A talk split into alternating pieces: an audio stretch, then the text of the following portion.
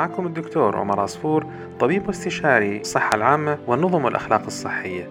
بقدم لكم حلقات أسبوعية عن مواضيع بتخص الطب والمجتمع والصحة والناس في بودكاست قسطرة. حلقة اليوم عن موضوع بسيط لكن بالنسبة لي الموضوع مهم جدا وهو عن معنى الصحة وعن الاختلاف بين الطب والصحة والفروقات بين مفهوم الطب ومفهوم الصحة. إحنا غالبا بنستعمل مصطلح الطب ومصطلح الصحة بشكل متبادل في نفس السياق وغالبا بتعبر عن نفس المعنى. لكن الحقيقة إنه في اختلافات واختلافات جوهرية بين مفهوم الطب ومفهوم الصحة. ومع إنه ممكن بعض الناس يحكي إنه الموضوع فلسفي غير مهم لكن أنا أظن أنه التمييز مهم جدا لأنه بيساهم في تشكيل الوعي العام وتكوين المواقف تجاه الخدمات الطبية والصحية وتحديد التوقعات تجاه هذه الخدمات وممكن يساهم بشكل مباشر أو غير مباشر بانتشار سلوكيات صحية أو غير صحية.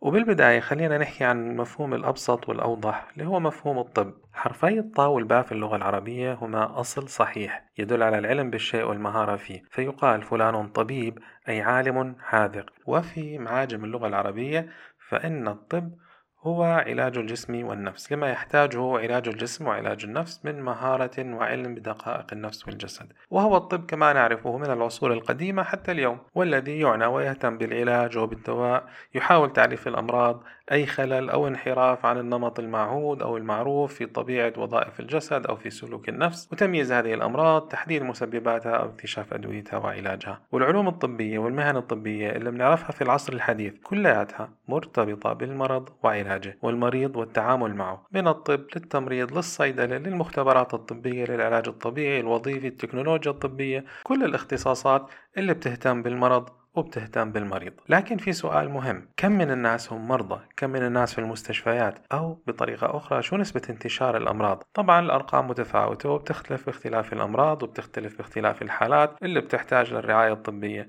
لكن الأكيد هو أنه الغالبية العظمى من الناس مش مرضى.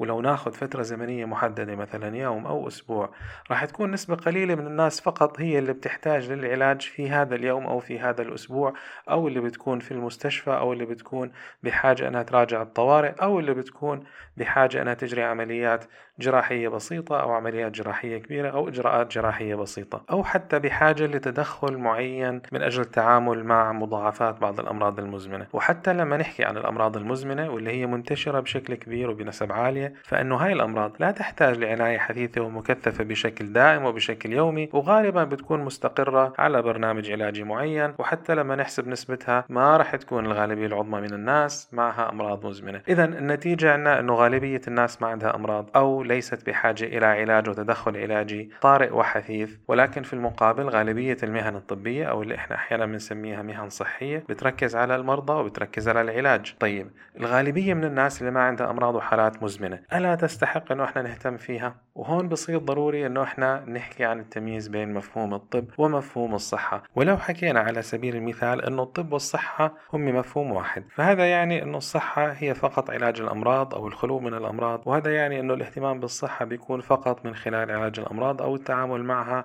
أو التعامل مع احتياجاتها إذا كانت حالات مزمنة. لكن إحنا بنعرف أنه هذا الكلام غير منطقي أو غير واقعي خاصة أنه إحنا في زمن نحكي دائما عن الصحة وعن التوعية الصحية وعن برامج صحية وعن سلوكيات صحية.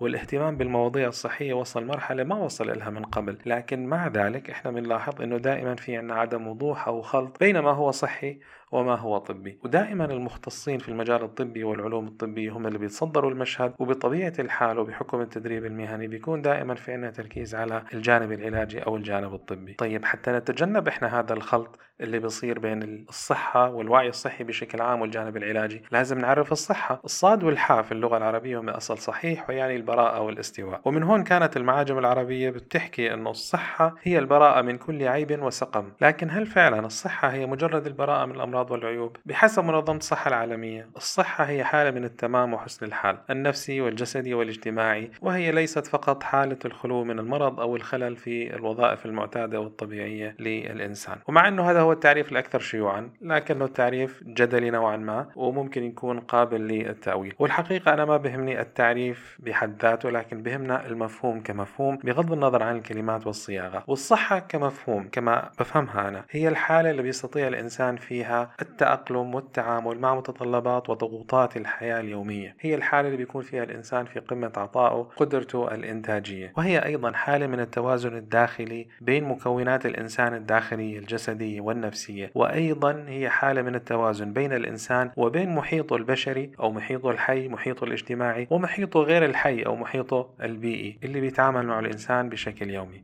ومن المهم نتفق أن الصحة لا تحدد بانعدام المرض. الصحة لا تحدد بنتائج فحوصات مخبرية. وإحنا بنعرف أنه ممكن نصادف أشخاص ما بيعانوا من أي أمراض. أجسامهم سليمة نتائج فحوصاتهم تحاليلهم كلها ضمن الأرقام السليمة والطبيعية. ومع ذلك ما بيكون عندهم القدرة على التعامل مع متطلبات الحياة اليومية أو ما بيكونوا في أحسن حال يمكنهم من العطاء والإنتاج. وممكن يكون عندهم شكاوي جسدية أو نفسية غير مفسرة لا تفسر بالمرض. بمعنى أنها مش أمراض حسب تعريف الأمراض ولكنها بنفس الوقت مش حالة صحية. وممكن مثال مهم وبسيط هو التدخين والمدخنين. المدخنين قد لا تظهر عليهم أعراض مرضية لكن هم ليسوا في حالة صحية وغالبا أدائهم خاصة بما يتعلق بالتنفس والأداء الجسدي والبدني الرياضي. ممكن تكون عندهم شكاوي وممكن مهامه اليومية تتأثر. وفي المقابل ممكن نصادف أشخاص بيعانوا من مشاكل جسدية أو حالات مزمنة أو أمراض مزمنة لكنهم بيمارسوا حياتهم بأفضل شكل ممكن بالنسبة لهذه الظروف بدون شكاوي وبتأقلم كامل وبارتياح كامل.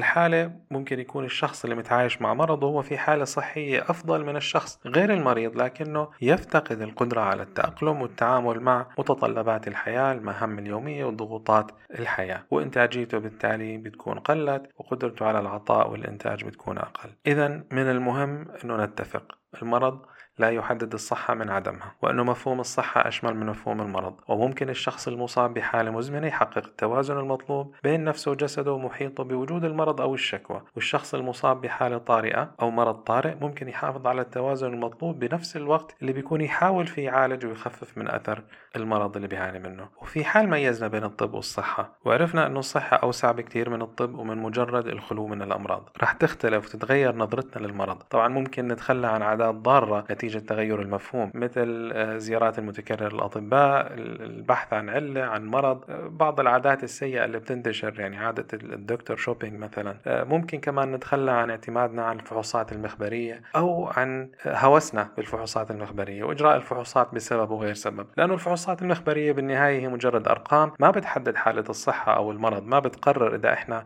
في حالة صحية جيدة أو في حالة صحية غير جيدة وبطبيعة الحال هالأرقام ممكن تختلف بتطور العلم تتغير الرقم اللي كان طبيعي من عشر سنوات ممكن يبطل رقم طبيعي.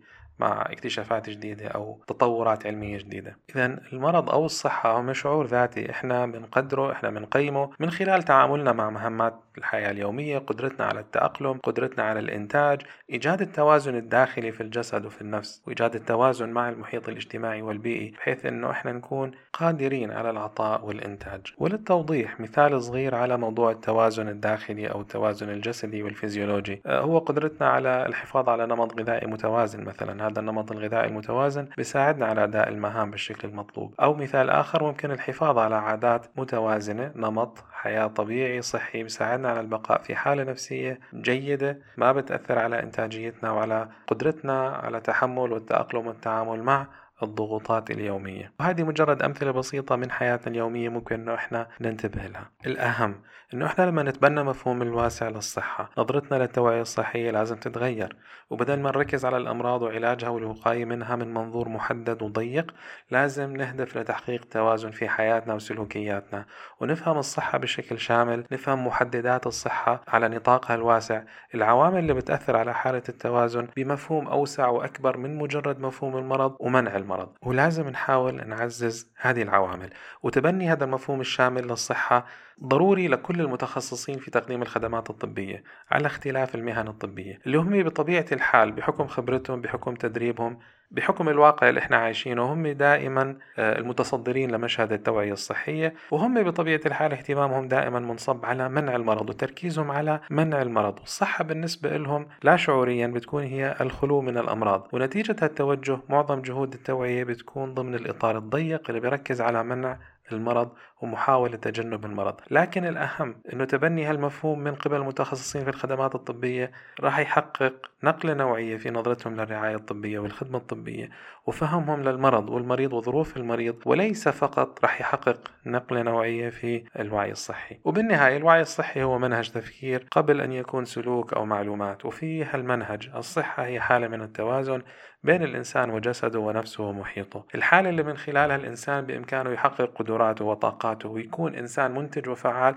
بأكبر قدر ممكن. ومعيار الصحة إحنا اللي بنحدده مش المختبر ولا الفحوصات ولا صور الأشعة. ومعيار الصحة هو قدرتنا على التأقلم وقدرتنا على التعامل مع مهام الحياة والتعامل مع متطلبات الحياة وتحمل ضغوطاتها وإنه إحنا لازم دائما نوزن توقعاتنا ومفاهيمنا ضمن هالإطار. إذا اليوم وبعد ما ميزنا بين الطب والصحة وسردنا بعض إيجابيات تبنينا للمفهوم الشامل للصحة بتمنى إنه إحنا نبدأ ننشر الوعي بهذا المفهوم ونتبنى هذا المفهوم ونتبنى الصحة بمفهومها الواسع اللي هو تحقيق التوازن والقدرة على التأقلم مع الظروف اللي هو أكبر من مجرد الخلو من الأمراض وتصير نظرتنا للصحة وللقطاع الصحي وللقطاع الطبي نظرة شاملة تتجاوز التركيز على المرض ومنع المرض وعلاج المرض. وإلى اللقاء في حلقة جديدة بإذن الله.